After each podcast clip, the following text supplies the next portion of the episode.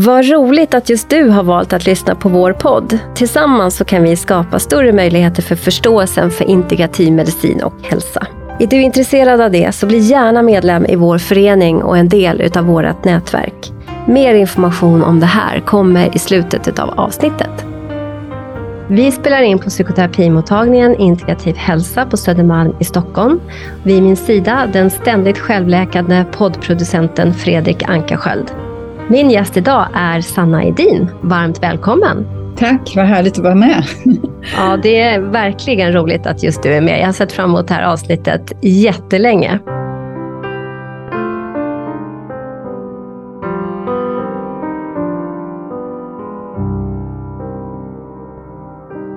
Sanna, du är doktor i immunologi, författare, föreläsare och en sann influencer. Hälsoinfluencer. Du har 12 års biomedicinsk forskning bakom dig och snart 30 år av studier i självläkning, helhetshälsa och personlig utveckling. Du har skrivit en hel rad av högkrediterade hälsoböcker där den första var Den självläkande människan som gavs ut 1999 och därtill hörande kokboken som du skrev tillsammans med kocken Malin Söderström. Ja, den var så före sin tid. Det var forskning rakt i grytorna. ja, det var det faktiskt. Verkligen. Och personligen så var det den här boken som jag och min dåvarande man, vi låg i gräset ute hos min mamma och hennes man och läste den här och eh, liksom tog en avstamp i, i eh, våran hälsoutveckling där. Vi har, alltså jag och vi är väldigt, väldigt många som har så mycket att tacka dig, för du var den som liksom startade allting i Sverige skulle jag säga. Sen har vi ju också Peter Wilhelmsson och vi har flera stycken som vi också ja. ska nämna, men du var en av dem verkligen. Ja, när det gäller böcker och ut och föreläsa så fanns det liksom ingen före mig. Det fanns Carl Otto Ali, läkare, men ingen från akadem med akademisk bakgrund som gick ut liksom så klart. Nej, det är sant. Det är sant. Nej, du var den väldigt, väldigt modigt. Men utöver den självläkande människan så har du skrivit ytterligare 16 böcker och du liksom håller ständigt på. Och du, just nu så vet jag att du förädlar och utvecklar fasteboken. Just det. så Sanna, hur började allting? Ja, alltså det finns något talesätt, eller man brukar säga att, att folk går genom livet så som man föds. Och jag föddes alltså med ansiktsbjudning. Det var rätt jobbigt för min mamma då, och det gjorde ont i min nacke. Men och med ögonen öppna. Och det vet jag därför att det var min far som stod och tog emot. Så jag hade väldigt annorlunda födsel tror jag, med ansiktsbjudning och ögonen öppna. Och jag känner att det är så jag går genom livet helt enkelt. Det är, det, ibland så är det jobbigt, men det är jobbigast för mig själv att, att jag går head on och jag har ögonen öppna och jag väjer inte för det som finns att se. Nej. Så det är ju då, jag satte mig ner med papper och penna, det gör jag ju alltid. jag har alltid papper och penna och tänkte lite grann inför den här um, mötet med dig och dela de här sakerna. Och um, då kan jag säga att min stora drivkraft är ju och har alltid varit sedan jag var litet barn. Alltså, jag, jag tror man föds med vissa karaktäregenskaper då. Och det är viljan att lära mig saker och jag vill förstå helt enkelt. Och jag har alltid, alltid haft en hög tilltro på oss människor och vår förmåga. Även om att jag vet att det finns människor som um, ja, gör dumma saker, um, gör dumma handlingar och så vidare, så tror jag ändå fullt och fast på människan och vår förmåga. Och att, att, jag menar, det är ju helt makalöst när man ser vad människor kan åstadkomma, alltså vad de kan läka ifrån. Och, och, och också vad de kan liksom, lyssna på klassisk musik, se på dansare, jag menar, skickliga människor det finns. Alltså jag blir bara, nej, det finns så mycket fantastiskt att glädja sig åt här i livet. Och varför blev det då självläkning och hälsa för mig då? För jag antar att det är det du vill veta. Ja. Hur kom du in på just den här vägen? Ja, varför blev det så? Ja, primärt kan jag säga att jag tycker väldigt illa om att vara trött, ha ont och må dåligt. så då ligger det nära till hands att hålla på med hälsa. Um, ja, men alltså det är nog, jag satte mig ner just också med papper och penna för att försöka reda ut, ja men varför blev det så här nu då? Ja, för det första är ju min primära motorintresse, det är ju människan och hur vi fungerar och, och så. Jag kommer ihåg en av de böckerna som jag köpte väl som tonåring och var väldigt förtjust i, hette Se människan. Och den innehöll väldigt sådär en, ja, en helhetssyn då på människan och jag älskade Leonardo da Vinci, den här allkonstnären, och som var så skicklig på så mycket. Så jag gick också in för att vara skicklig på väldigt mycket och jag tecknade mycket tidigt och målade. Jag spelade klassiskt piano i totalt 20 år. Jag höll på med väldigt många olika saker. Men när jag var sex år så hade jag en nära döden-upplevelse eh, i samband med att jag bröt armen väldigt illa på högra armen, båda, båda två då. Och jag, jag är väldigt känslig, jag fick för mycket bedövning och på den tiden var det ju inte så 60-talet här. Så att jag var över på andra sidan ett tag. Men det var väldigt, det var, det var ju positivt för att jag vet ju då att det är ljus och lugn och frid där. Att jag visste att det fanns någonting annat därför att jag kan säga att min uppväxt var allt annat än ljus, lugn och frid. Det är ett val jag har gjort i livet. Eh, det var väldigt um, kulturellt, intellektuellt, högutbildat hem um, som värdesatte uh, mycket av de här klassiska parametrarna. En väldigt klassisk skolning. Jag kallar min uppväxt för internatskolan, för det är mer på det planet. Visst fanns det känslor och kramar och vi firade födelsedagar och allting sånt, men det var mycket, mycket mer. Men det går vi inte in på här. Men eh, sen bara för att nämna några hållpunkter som förändrade mig. Det var när jag var 15 år höll på, jag höll på mycket med skådespeleri. Jag ville bli skådespelare för jag var sex år gammal också. Uh, Sven-Bertil Taube var min idol. ja, men jag såg honom, Klas Klättermus, han var räven där. Ja, det var fantastiskt. jag ville det. Och de säger att jag var och såg Nalle Puh, men då var jag nog bara tre, fyra år. Men då hade jag en dialog med dem på scenen. Alltså jag sitter ute i publiken och har en dialog med dem på scenen. Så jag var väldigt engagerad i det här med skådespeleri i många år. Men när jag var 15 så fick jag då, um, kunde jag inte sova plötsligt. Det var gymnasiet första terminen, det var julspex, det var stress. Men vad det var egentligen, vad jag inte visste var att det var PTSD, posttraumatisk stress och flashbacks mm. första gången från barndomen. Men då så eh, faktiskt lärde jag mig meditera och det tycker jag är väldigt roligt. Så vem var min första meditationsguru? Ja, jo, ja. Bengt Bedrup. För er som är yngre, han var ju sportjournalist, jättestor, känd och så. Och det har att göra med att min, jag kunde inte sova då. Efter ett par dagar, man inte sovit på hela natten, man mår inte så bra. Men min mamma var ju klok, hon, hon gav mig en stor LP-skiva. Det var mammagymnastik med Bedrup, men så var det avslappning sist. Så det var egentligen en avslappning, men det var ju som en meditation. Så jag lärde mig det. Och jag lärde mig alltså självhypnos. Så jag mm. lärde mig att hypnotisera mig själv till sömn. Och sen dess jag, då försvann sömnproblemen. Och det var ju väldigt bra, för alternativen var inte så kul. Så vi ehm. har ju faktiskt en hel del och ta, har tagit från sportvärlden just det här med för att kunna prestera bra i sportvärlden så behöver man kunna visualisera, man behöver kunna komma till mm. ett meditativt tillstånd och så vidare, gå in på inre bana för att kunna göra det. Så det, ja, det gjorde du redan då. Min riktiga meditationsguru ändå, alltså på allvar var ju Lars-Erik eh, Unestål. Så att mm. jag gick på, på apoteket faktiskt, hade hans avslappnings band. Så jag gick och köpte dem då när jag var 15-16 år. Så jag lyssnade ju och mediterade då. Jag började meditera när jag var 15 år. Så det var eh, en bra sak. Och sen eh, var det mycket så här friluftsliv och friskfrämjande och, och bara riktigt nyttig mat hemma. Alltså, alltså utifrån det jag håller på med så kunde jag, eh, alltså, om man tänker rent så här tekniskt, teoretiskt, kunskapsmässigt kunde jag inte valt en bättre um, uppväxt. Och faktiskt redan som tonåring så beroende på vad jag såg omkring mig med människor som antingen ja, gick under eller försvann under läkemedel eller sjukdomar och sånt. Min farfar dog eh, på, fick plötsligt kissade han blod och det var tydligen cancer och han hade cancer överallt. Men jag tror tyvärr inte han ville leva längre. Det var nog det som var. Så att han var borta när jag var 14 år och han var liksom den som jag tyckte bäst om. Så det var hemskt. Men jag såg då människor duka under och jag såg också människor läka från saker som man då inte kan läka ifrån. Så jag bestämde mig som tonåring att ta noll droger um, och undvika läkemedel till varje pris um, resten av livet. Och då fick jag ju då ha en livsstil så det funkade helt enkelt. Alltså just att undvika um, läkemedel, symptomlindrare och sådant. Men jag har aldrig tagit droger alls. Jag blir, blir lycklig på naturligt sätt. Ja. Dansar, skrattar och sjunger. Ja, och sen så minns jag när jag var 20 år och var och läste biologi och kemi och så på universitetet i Lund så var det en läkarstuderande kompis som tog med mig, jag läste medicin där också lite grann, men tog med mig på en föreläsning om dem från Friluftsfrämjandet. Och då pratade han sig varm om vegetarisk kost. Men det viktiga var att han, han lyste av hälsa och kraft, energi som inte jag hade sett på någon människa. Alltså. Och han var ju vithårig gammal. Så det var sån här bara, aha, men så där vill jag också bli. men då var jag vegetarian i ett år, men just det funkar inte för mig, för jag, kan, jag mår inte bra bönor och, och jag är väldigt proteinberoende. Men jag var det i varje fall, jag har varit det två gånger. Så det var en sån här vändande sak och sedan också, när jag var 22 så valde jag att satsa på forskning och då valde jag, jag valde mellan hjärnan och immunförsvaret, för båda de två var svarta boxar. Det här är 80-talet, mitten av 80-talet, början av 80-talet. Så det blev immunologi och det var jätteintressant och jag upptäckte faktiskt att du säger, eller jag har sagt att jag har 12 års biomedicinsk forskning, men det är faktiskt 13. Mm. Därför att jag jobbade ju på läkemedelsindustri ett år innan jag började mina studier, så jag kom på att det är Just det.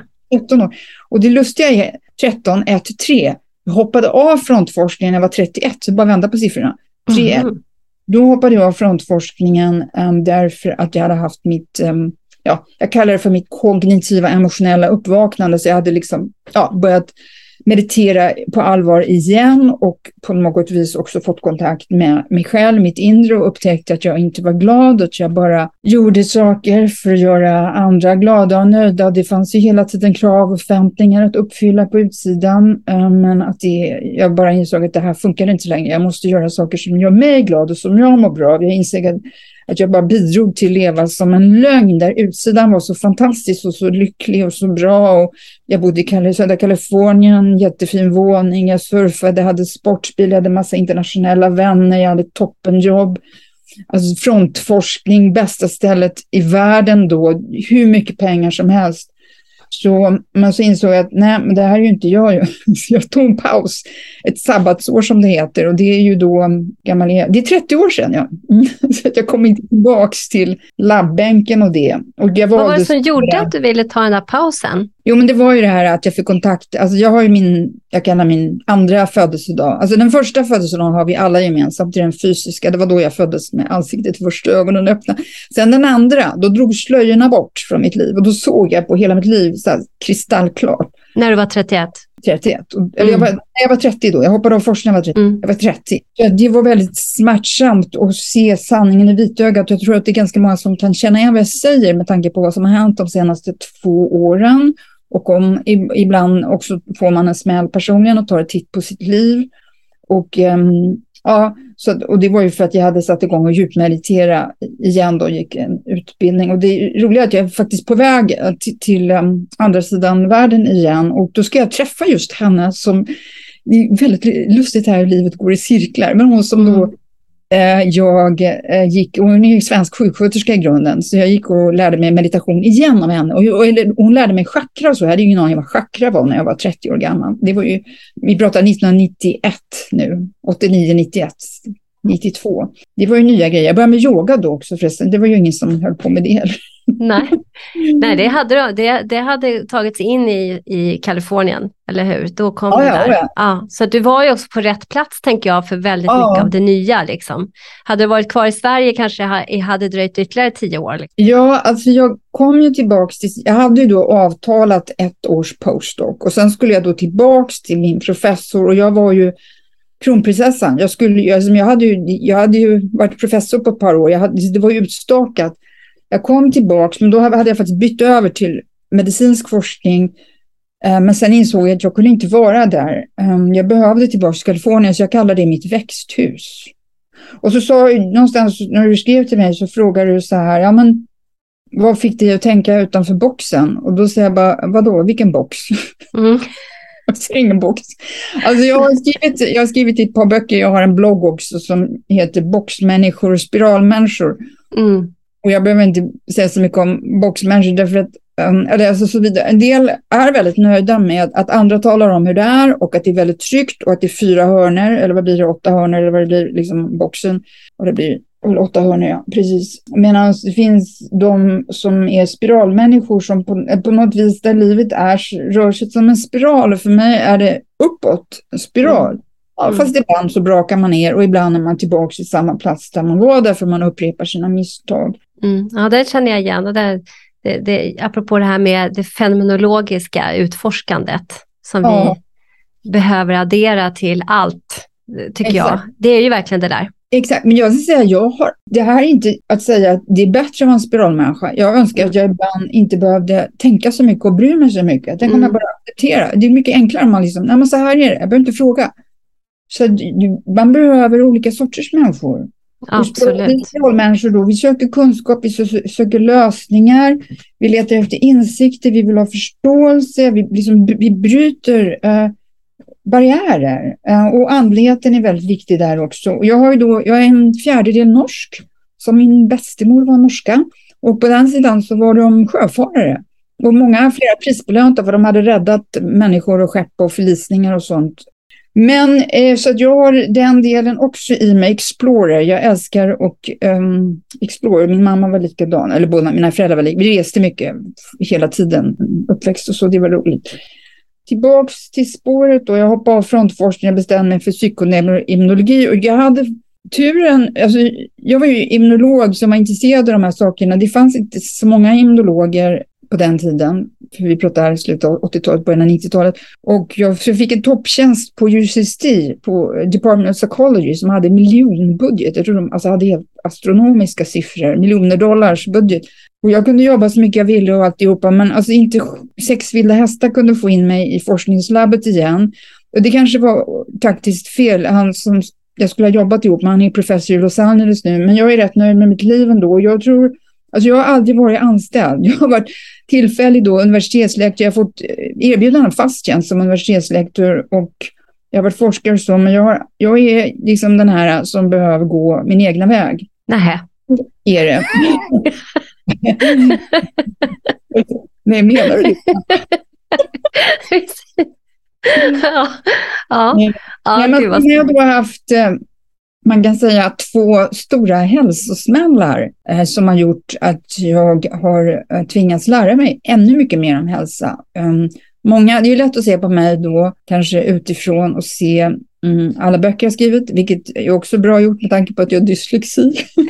har du? Ja, det har jag. Det, mm. Läser allt tre gånger, det blir fel hela tiden, men man, man blir väldigt kreativ. Så det, det, jag vet från andra dyslexiska människor att man um, Alltså jag är ju bildmänniska, så jag har fotografiskt minne. Så att egentligen tänker jag i bilder och sen, och sen älskar jag färg och måla. Så att jag, när jag skriver, det, det är väldigt omständigt det här, men jag tänker bilder som jag då beskriver i, i ord helt mm. enkelt. Då målar jag med ord på text. Eller jag mm. Vita sidor då, helt enkelt. Så det jag... gör du ju väldigt bra, för någonting som man verkligen, eller som jag upplever när jag har läst dina böcker, är ju att du, du, gör, du beskriver väldigt pedagogiskt det är lätt att förstå, det är lätt att följa texten och ta den till sig.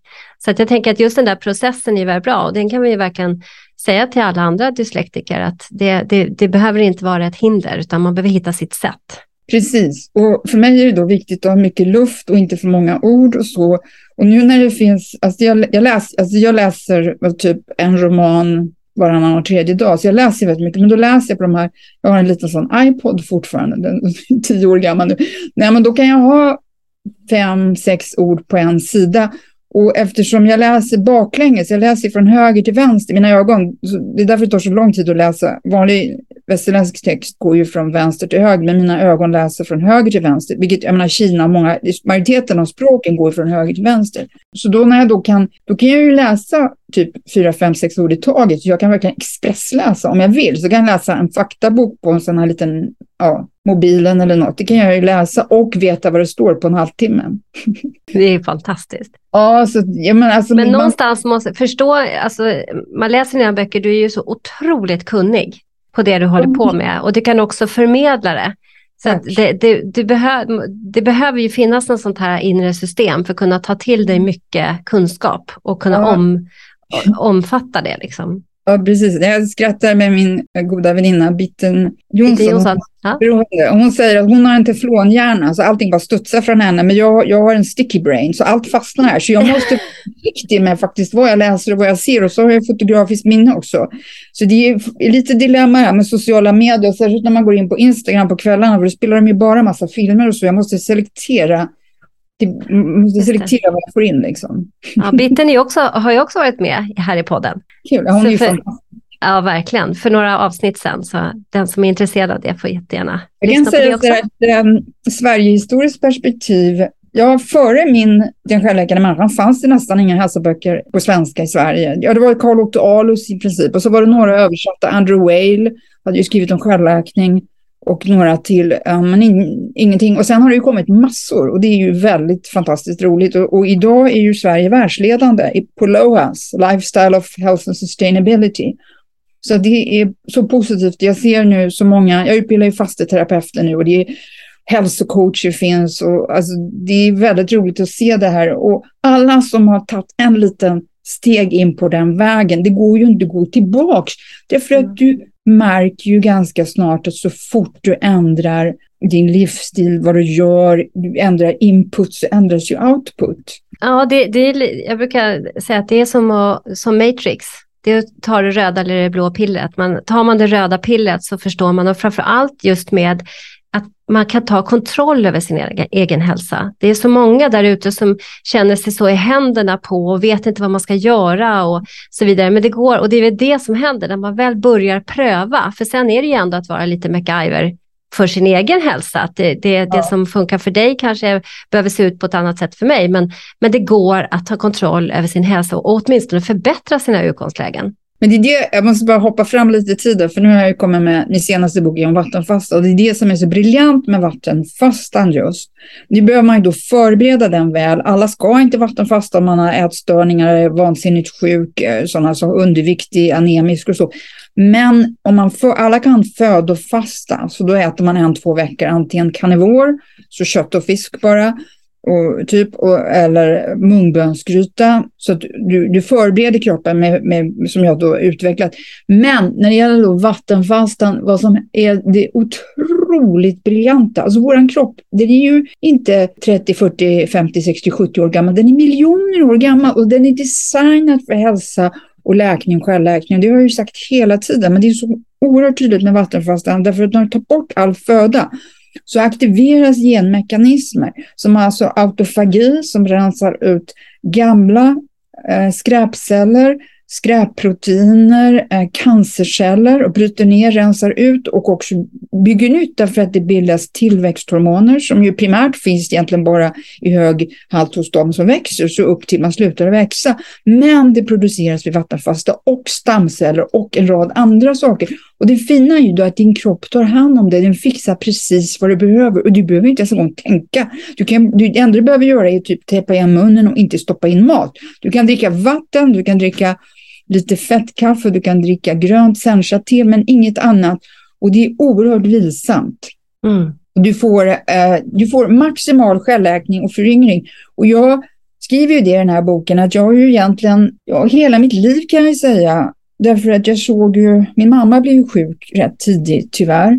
Och jag såg, och min farfar försvann och jag såg ju saker. Och jag har på något vis alltid så sökt efter, ja men vad kan man göra? Jag är väldigt lösningsorienterad. Mina föräldrar sa det, att om något annat barn spillde mjölk så satt de där och liksom grät. Och jag var bara hämta trasan, torka upp och så gick jag vidare. Va?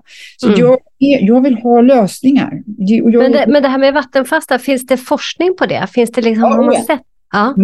ja. Var hittar man det någonstans? Jag har precis fått reda på att det finns en film som är gjord där de har varit och intervjuat i Ryssland och ja, före detta öststatsländerna, för de hade ju inte den här enorma budgeten som man har haft i västvärlden. Så där har de i över 50 år studerat vattenfasta och läkning. Och bland annat så finns det väldigt lovande forskning när det gäller cancer eftersom cancer måste ha glukos för att växa. Så att om man tar bort glukosen och har bara vatten, då kommer de automatiskt att fallera plus att det aktiverar apoptos som det heter. Så det är alltså självdöd. Vad är det för någonting? Det är självdöd. Alltså alla mm. celler, cellen har alltså inprogrammerad mekanism att ta bort sig själv om så att den kan göra det om det går fel. Och det går ju fel när det gäller cancerceller. Så att när du går på vattenfasta aktiveras apoptos och deras tillväxt hämmas. Och det visar forskning alltså. Och forskning visar också att om man tar cytostatika så får man mycket bättre effekt efter att cancerceller blir mycket mer känslig för cytostatika. Medan våra mänskliga celler blir mycket mer resistenta. Så att man får bättre effekt. Och då kan vi ju säga till de som lyssnar på det här att om man känner, om man har de här utgångslägena så ska man ju naturligtvis prata med sin läkare så att de vet om vad man gör för någonting och så samtidigt. Det är ju läkare som har skrivit de här forskningsartiklarna mm. om just det här som jag beskriver nu. Så det är liksom inget liksom hemma hitta på hyss utan det är vetenskapligt dokumenterat. Och, det, och vad jag längtar efter det är ju att den enorma kompetensen och kunskapen som finns idag bland läkare och inom sjukvården ska öppna sig för att då lägga till fler metoder som till exempelvis koständringar. Det är ju ett väldigt enkelt sätt för folk att må, få dem att må bättre.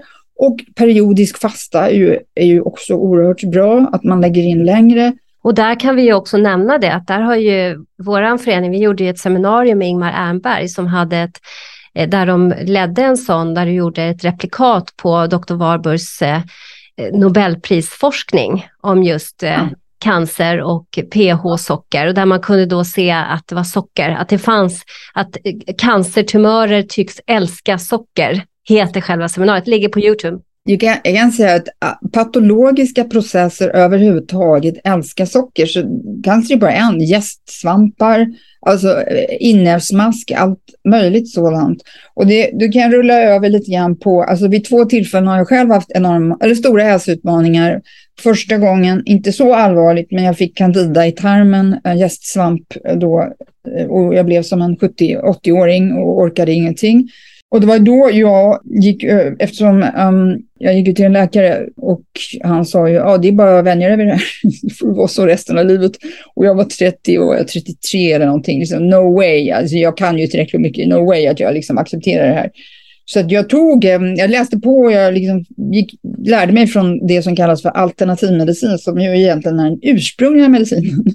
Mm. Och, ehm, och så kombinerar man det bästa från båda sidor. Så jag tog, jag tror det var nystatin, ett antisvampmedel.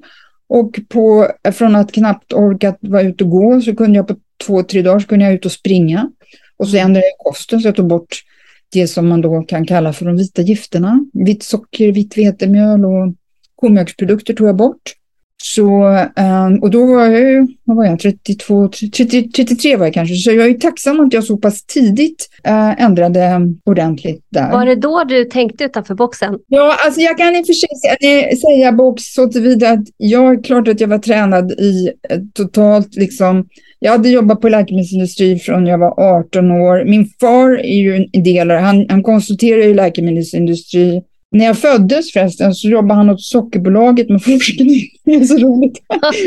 Han var chef för svensk vaccinproduktion eh, på 60-talet. Äpplet faller långt från trädet. Mm.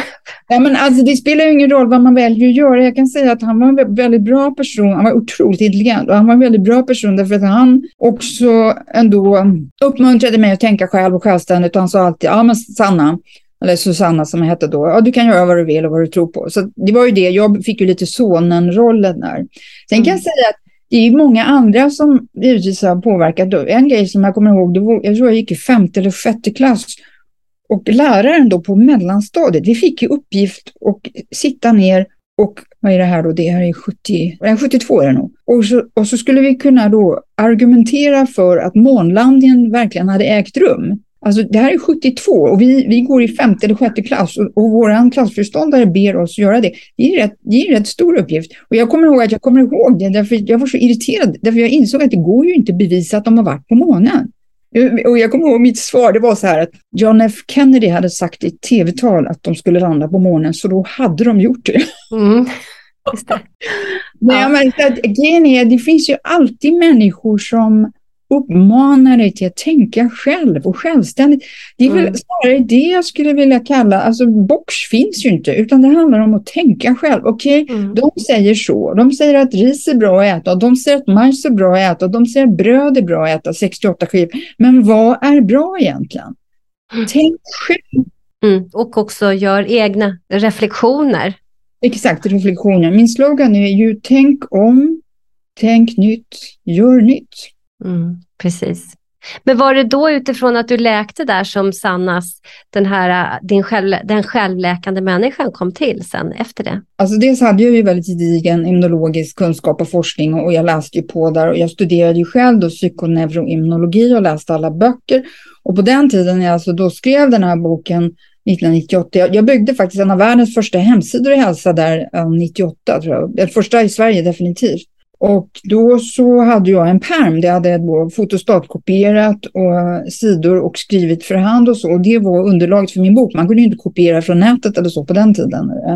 Så då så skrev jag den. Jag ville skriva den boken för att, att sammanfatta min egen, sammanfatta kunskapen från, ja då var det då, då, då var det ja, nästan 20 år och 12 års, ja, 13 års biomedicinsk forskning. Alltså för, delvis för min egen skull um, faktiskt sammanfattar och sen också för att jag ville dela mig till några andra.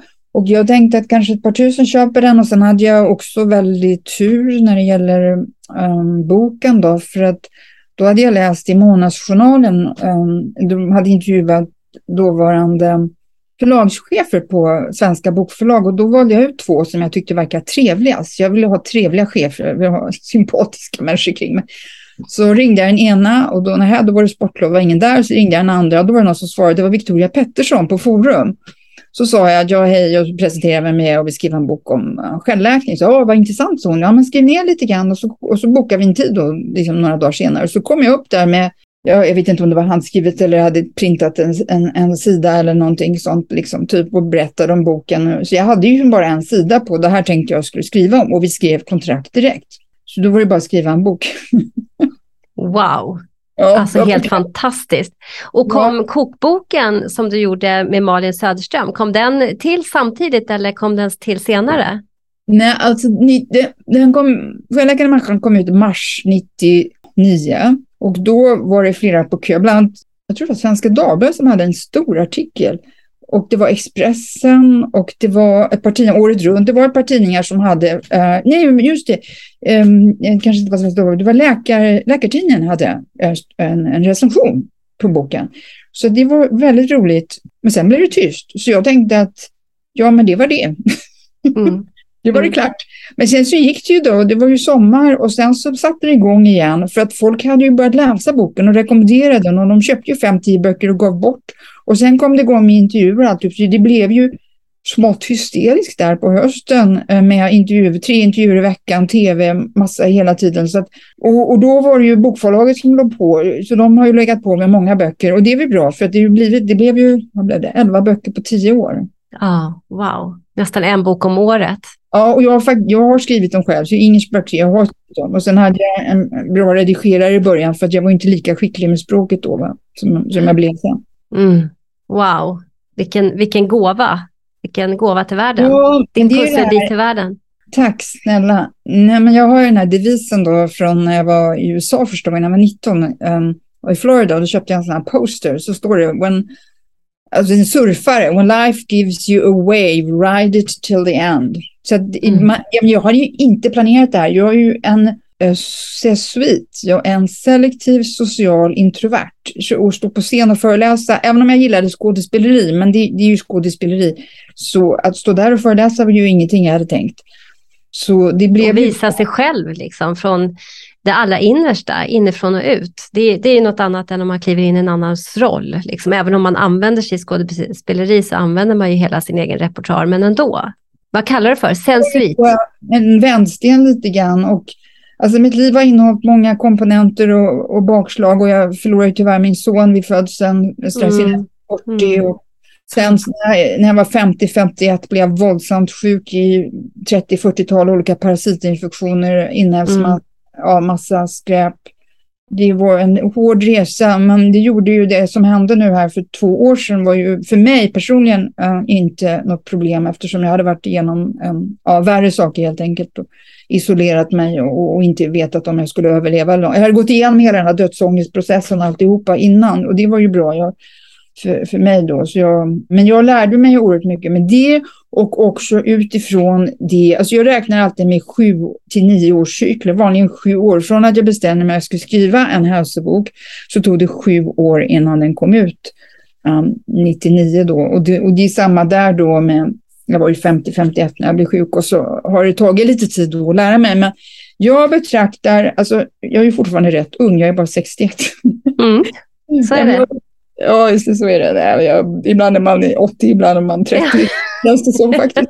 Nej, men jag betraktar det här jag har funnit nu med vattenfastan, det är ju själv, alltså det är läkning. Hur kom du över det då? Hur kom du över den kunskapen? Ja, jag hade ju då, jag visste inte om hur illa det var. Alltså min tarm var ju illa och det blev bara värre och värre. Jag kan säga nu bara för att summera att jag har läkt från SIBO, det är överväxt av bakterier i tunntarmen, väldigt vanligt idag, ungefär hälften av alla svenskar har det. Eh, FunMed, funktionsmedicinska, som mäter på andedräkten menar att 80 procent har det och det ställer till massa problem med känslighet, överkänslighet, IBS, eh, histaminintolerans hade jag, känslig, blev känsligare och känsligare för allting, ah, svullen, ah, alltid trött. Jag kunde kanske le, prestera, men sen så brasade jag ihop när ingen såg på typ. Väldigt eh, kämpigt var det under flera år. Och då sökte jag ju vägar och då började jag, det var väl egentligen jag började fasta varför började jag fasta? Jag började träna medvetet när jag var 2015 för jag träffade en som var ett år yngre än mig och hade en kropp som en liksom knappt 30-åring och hon tränade mycket så jag tänkte jaha, då får vi börja träna. Och sen så började jag gå på gym då och det gav ju verkligen skillnad. Och sen så märkte jag att ju mindre jag åt, ju bättre mådde jag. Man matar ju inte masken då liksom. Inälvsmask är tyvärr också ett vanligt problem som är hittills negligerat. Men då, då började jag fasta, gjorde juicefasta där tror jag 2016 och märkte att det var jättebra och fick många fördelar av det. Och när jag då började skriva fasteboken, det är ett par år sedan nu, så hade jag inte tänkt skriva vattenfasta för jag tänkte att ja, vattenfasta det är ju svält och nej men det vill man inte hålla på med, dricka bara vatten var hemskt. Men så tänkte jag att när jag höll på att skriva den här boken, jag måste ju vattenfasta, jag kan inte skriva utan, så jag fick ju prova på. Så hittade jag då en webbsida som sa att ett och ett halvt dygn kan man vattenfasta utan problem. Kan man äta som vanligt sen. Det, det klarar kroppen bara så här rakt av. Mm. Det vet man ju också när människor ska genomgå operationer och annat så kan, kan man ju fasta inför en operation. Det ska man ju göra. Kan du, kan du berätta lite grann hur en, alltså en Ja, hur går en vattenfasta till enligt dig? Om jag skulle göra en vattenfasta till exempel. Ja, jag är en effektiviserare. Ja, för det första ska jag säga när det gäller vattenfasta som jag sagt tidigare så ska inte alla göra det om man har ätstörningar, om man har sockerberoende, om man är allvarligt sjuk, kraftiga njurproblem. Om man har diabetes 1 och 2 kan man göra det, men under läkarbevakning och sådana saker. Så att allt det står i min bok. Jag har då utbildat fasteterapeuter och där minst två av dem är sjuksköterskor så att man, man ska alltid inhämta kompetent um, kunskap och hjälp för det här. Såklart. Mm. Ja. Och sen då om man ska komma igång så uh, när jag skrev den här boken och insåg hur helt oöverträffat fantastiskt som fasta är, och speciellt då vattenfasta, så förstod jag att alla kommer att vilja det. En del kan bara födofasta och det är inte så bara för du tar bort industrimaten och du äter riktiga råvaror, riktig mat.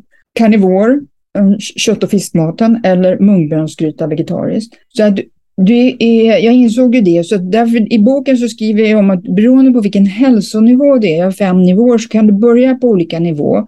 Om du har en, en hög hälsonivå eller om du inte motionerar och, och du är överviktig och liksom måste liksom lite grann börja om. Och så kan det vara ibland. Och det är inte något fel så på är det. det verkligen. Mm. Jag tror vi alla har varit där och fått börja ja. ja. Verkligen. Ja, och, och, då så bör man förbereda kroppen som jag sa tidigare med födofasta eh, och periodisk fasta för då börjar man träna kroppen där och, och lite längre matpauser för det är matpauserna som är så fantastiska för kroppen. Vi är inte gjorda för äta tre gånger om dagen eh, med, med mellanmål. Vi har exakt samma kropp, har alltså forskningen visat nu. De har funnit människoskelett och sådant som är 200 000 år gamla. De ser precis ut som vi ser ut idag, 200 000 mm, år. Helt jag otroligt. Jag att de åt tre mål mat om dagen och mellanmål och de drack inte läsk och chips och sånt. Så att vi äter en kost som är fel och där behöver folk tänka om. Och det, det fiffiga med det här är att det är mycket lättare att kontrollera matintaget när du inte äter. Ja. ja, men det är det. Jag, jag, jag älskar ju mat. Jag är ju själv där. Jag, ibland jag vill bara titta på mat så går jag upp i vikt tycker jag. Så det är mycket enklare för då vet jag, då gör jag periodiskt fasta varje dag. Idag tog jag grönt sencha och så tog jag fettkaffe. Det blev inte först vid 11-12. Jag tar en kopp. Och fettkaffe är kaffe med kokosfett till exempel? Eller? Ja, det är kaffe med antingen kokosolja eller MCT-olja som är en mm. fraktion av kokosoljan. Sådär. Och det är typ en tesked bara, eller två. Så det tar mm. inte mycket. Men det blir väldigt gott, jag kör det i mixen. Så, uh, så då vet jag, liksom, jag äter absolut ingenting förrän jag äter. Och nu har jag då ätit en, en rätt och då, då står jag med, om jag är som vanligt, då står jag mig på den. Jag kan ta något lite på kvällen, men det är egentligen mer bara för att det är trevligt. Jag behöver inte äta mer. Alltså jag är postfertil. Postfertilt, då är vi tillbaka till, till som när vi är barn lite. Vi behöver inte äta så mycket. Det är fertil ålder mm. att äta lite mer. Och, men vi behöver inte äta så mycket, men vi behöver träna mycket mer. som postfertila? Ja, postfertila. Ja, ja. Träna mer, ät mindre. Ja, och, och vad gör ja. folk då? De äter lika mycket och de tränar mindre. Ja, men inte konstigt det ser ut som det gör. Och så socker och så. Mm. så. Eh, men i vart fall så, uh, just det. Min, och sen då det som jag utvecklade, vassfastan, och den står då för vattenfasta sanna special. Därför att om du ska bara ha en, ett och ett halvt dygn, så syftet med fasta, vad är det? Jo, tömma tarmen. Det är den ja. stora kanalen ut. Du, du, eh, kanaler ut är andningen, utandningsluften, det är huden och tarmen. Tarmen är den absolut största. Tömmer du tarmen så kan kroppen via osmos och annat, alltså osmos handlar om um, förändringar, tryck i vätskor beroende på mineraler och så. Den, den kan tänka dig som att det, den kan bara liksom duscha ut skräp då. Och så därför så började jag med en saltvattensflash som jag hade faktiskt gjort ett par år. Så då dricker man, om man är under 70 kilo, ungefär en liter vatten med två teskedar havssalt, inte bordsalt, absolut inte, utan havssalt och en två teskedar bikarbonat som också är ett salt. Men det hjälper att riva loss så kallad biofilm som kan sitta längs i en hinna eh, som kan sitta längs tarmens väggar. Så dricker man det så att, och inom ja, en timme till två timmar så är, är, ju, är ju tarminnehållet tömt. Sen kan det sitta kvar saker, det kan finnas tarmdivertriklar och sånt, men det är ganska flashat där. Och så tar man lite aktivt kol för att absorbera gifter och det är ju använt inom medicinen sedan tusentals år, det är väldigt mm. beprövat bra medel. Man tar lite C-vitamin för det är alltid stärkande.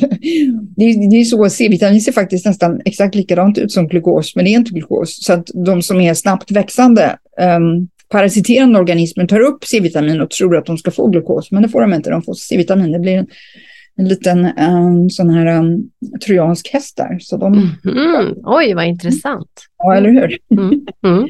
och sen så är det, vad är det mer man tar? Um, ja, lite, man kan ta uh, grönt te, te, det innehåller katekiner som aktiverar autofagin och det här kaffet innehåller polyfenoler, antioxidanter som är väldigt um, bra främjande för kroppen. Så. Mm. jag har då utvecklat, och, och sen så tar man vatten och varmt vatten är väldigt bra. Och saken är den att folk tror att vatten smakar ingenting, det är ett lösningsmedel, det är det man blandar saft och, och juice och så. Vatten är jättegott. Jag har kolfiltrerat vatten, jag köper en sån enkel liten Brita-kanna. Och så dricker jag det då och det är fantastiskt och man får en sån enorm förnyelse på bara ett och ett halvt dygn och det motsvarar ungefär tre till fyra dygns vattenfasta vanligt när du bara slutar äta eftersom du tömmer tarmen. Och den stora mm, sättet att ja, dumpa gifter och komma vidare, det är ju, det är ju genom tarmen. Mm, ja. och, och, nu har jag ju då, det ju, jag hade ju en massa som testade det här under jag utvecklade det här medan jag skrev boken. Så jag har ett kapitel med då referenser från människor som har använt saltvattensflashen som den heter. Och den finns på blogg på ekoappen så man kan gå in direkt och klicka fram den. Och den finns också då i min Sannas fastebok förstås. Uh, uh, men den senaste uppdaterade jag där på bloggen och sen så har jag utbildat de här fasteterapeuterna. Man kan gå den utbildningen och de tar då fastegrupper och lär ut det här och de får fantastiskt bra resultat. Men, alltså, men det här är alltså Sannas vattenfasta, det här som du beskrev med ja. den här flashen? Ah. Ja, det finns mm. ingen motsvarighet. Alltså alla Nej. andra bara sluta äta, börja dricka vatten typ. Liksom. Mm. Mm. Ingen, jag, vet inte, alltså jag fattar inte att ingen har satt sig ner på ändan och, börjat, och tänkt efter och designat ett protokoll som jag har gjort. Så därför, det ska ut på mm. engelska nu, för det finns ingen motsvarighet.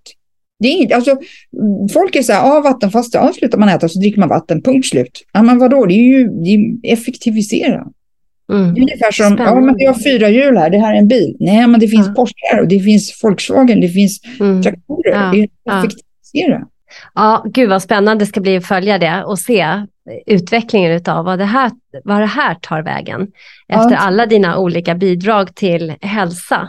Ja. Så, det, så det är det som är nu. Men jag, jag, vi har, Fredrik sitter här och vinkar och säger att vi har en liten stund kvar bara på att ja. så fantastiska samtal som bara har sprungit iväg.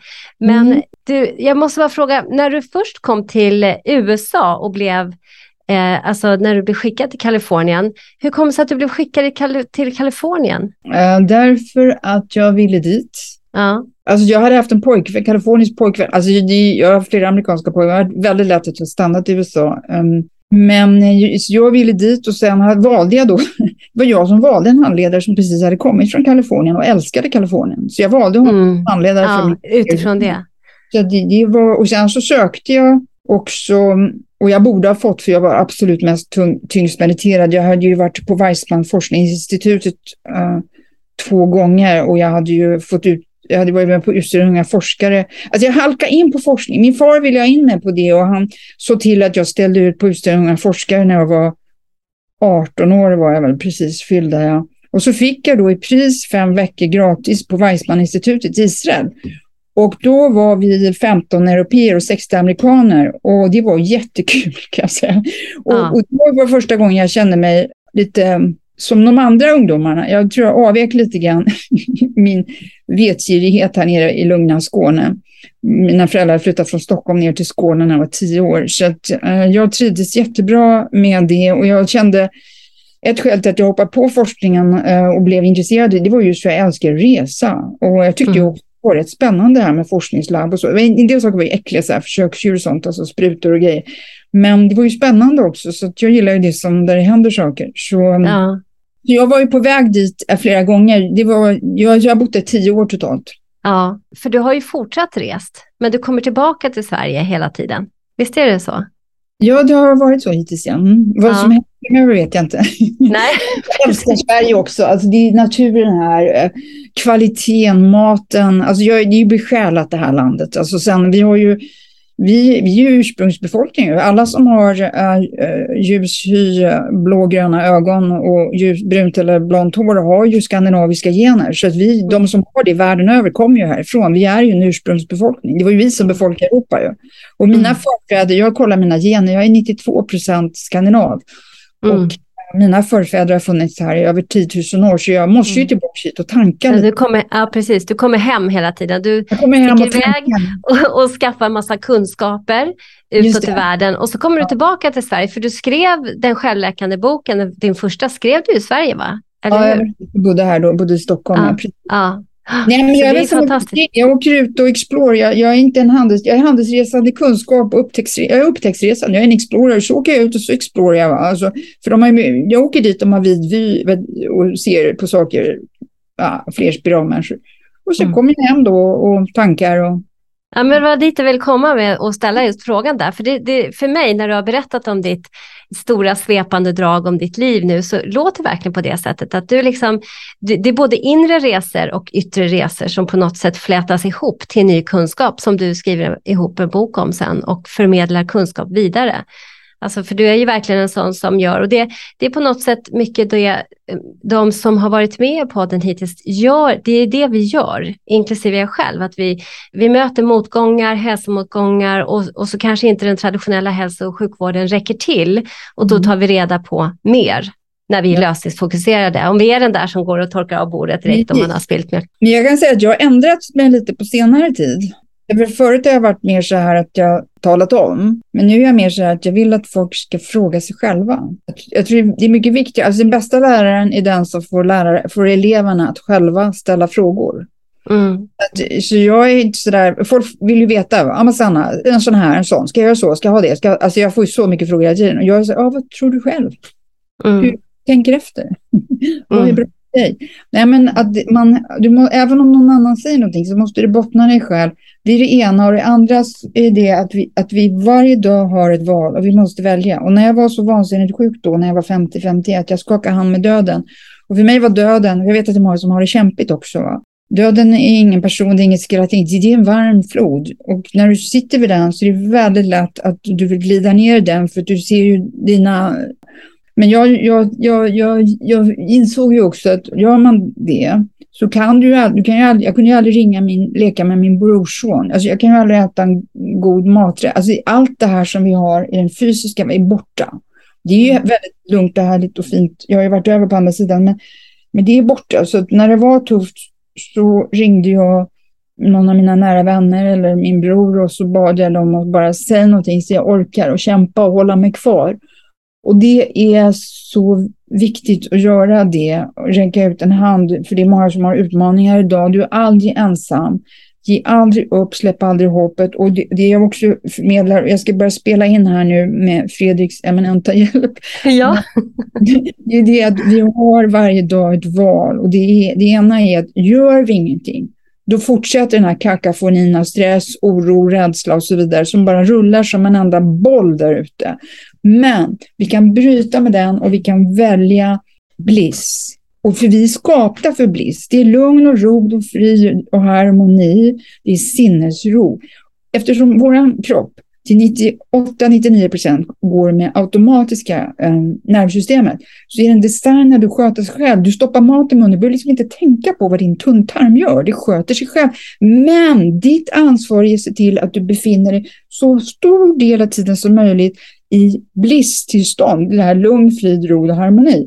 För att om du konstant är i stress, så stressen i sig är som att ta gift. Och det måste folk förstå. Stäng av tvn, se inte orosnyheter. Jag tar bara in det jag kan påverka nu. Och det jag kan påverka och göra, det är att inspirera människor, ge hopp, ljus, glädje och kärlek och visa på vilka fantastiska läkande förmågor som vi har inom oss, är födda med. Jag kan lova att alla andra som hade fått de utmaningarna jag fick då när jag var 50-51 och blev så vansinnigt sjuk, där den lättaste var faktiskt borrelia, för den kunde jag ju ta med antibiotika.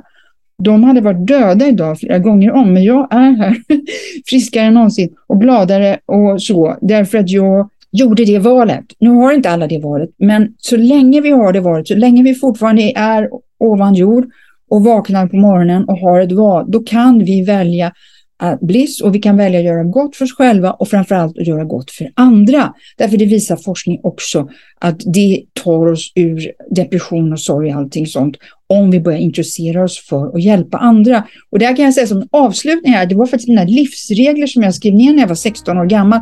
Regel nummer ett var ju det, om du känner dig deppig, nere, Intressera dig då för andras männi andra människors, människors situation, sätt dig in i det och hjälp dem. Det var min första livsregel och den är bra. Den funkar.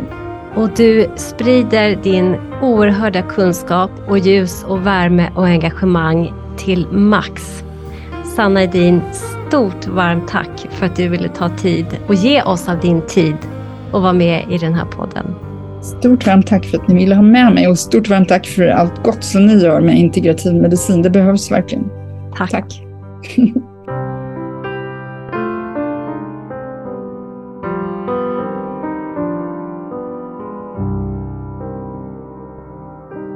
Både och istället för antingen eller, en podd om integrativ medicin och hälsa är skapad och drivs av Svensk förening för integrativ medicin och hälsa, FIM.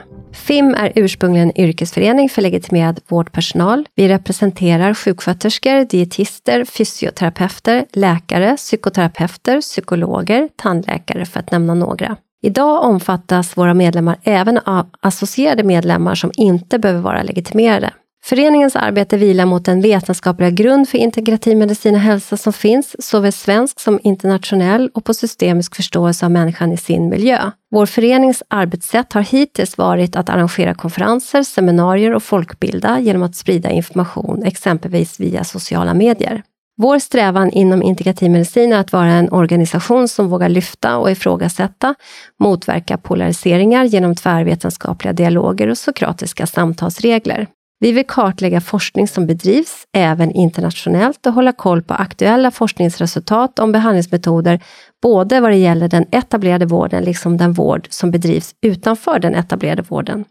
Sokratiska samtalsregler innefattas i den sokratiska samtalsformen som egentligen all grundläggande kunskap är sprungen ur, men som ibland till och med lyser med sin frånvaro i dagens public service. Så bli gärna medlem hos oss, för tillsammans kan vi förändra. Och hur du blir medlem hittar du via vår hemsida integrativ-medicin.se. Vi ses och hörs i nästa avsnitt.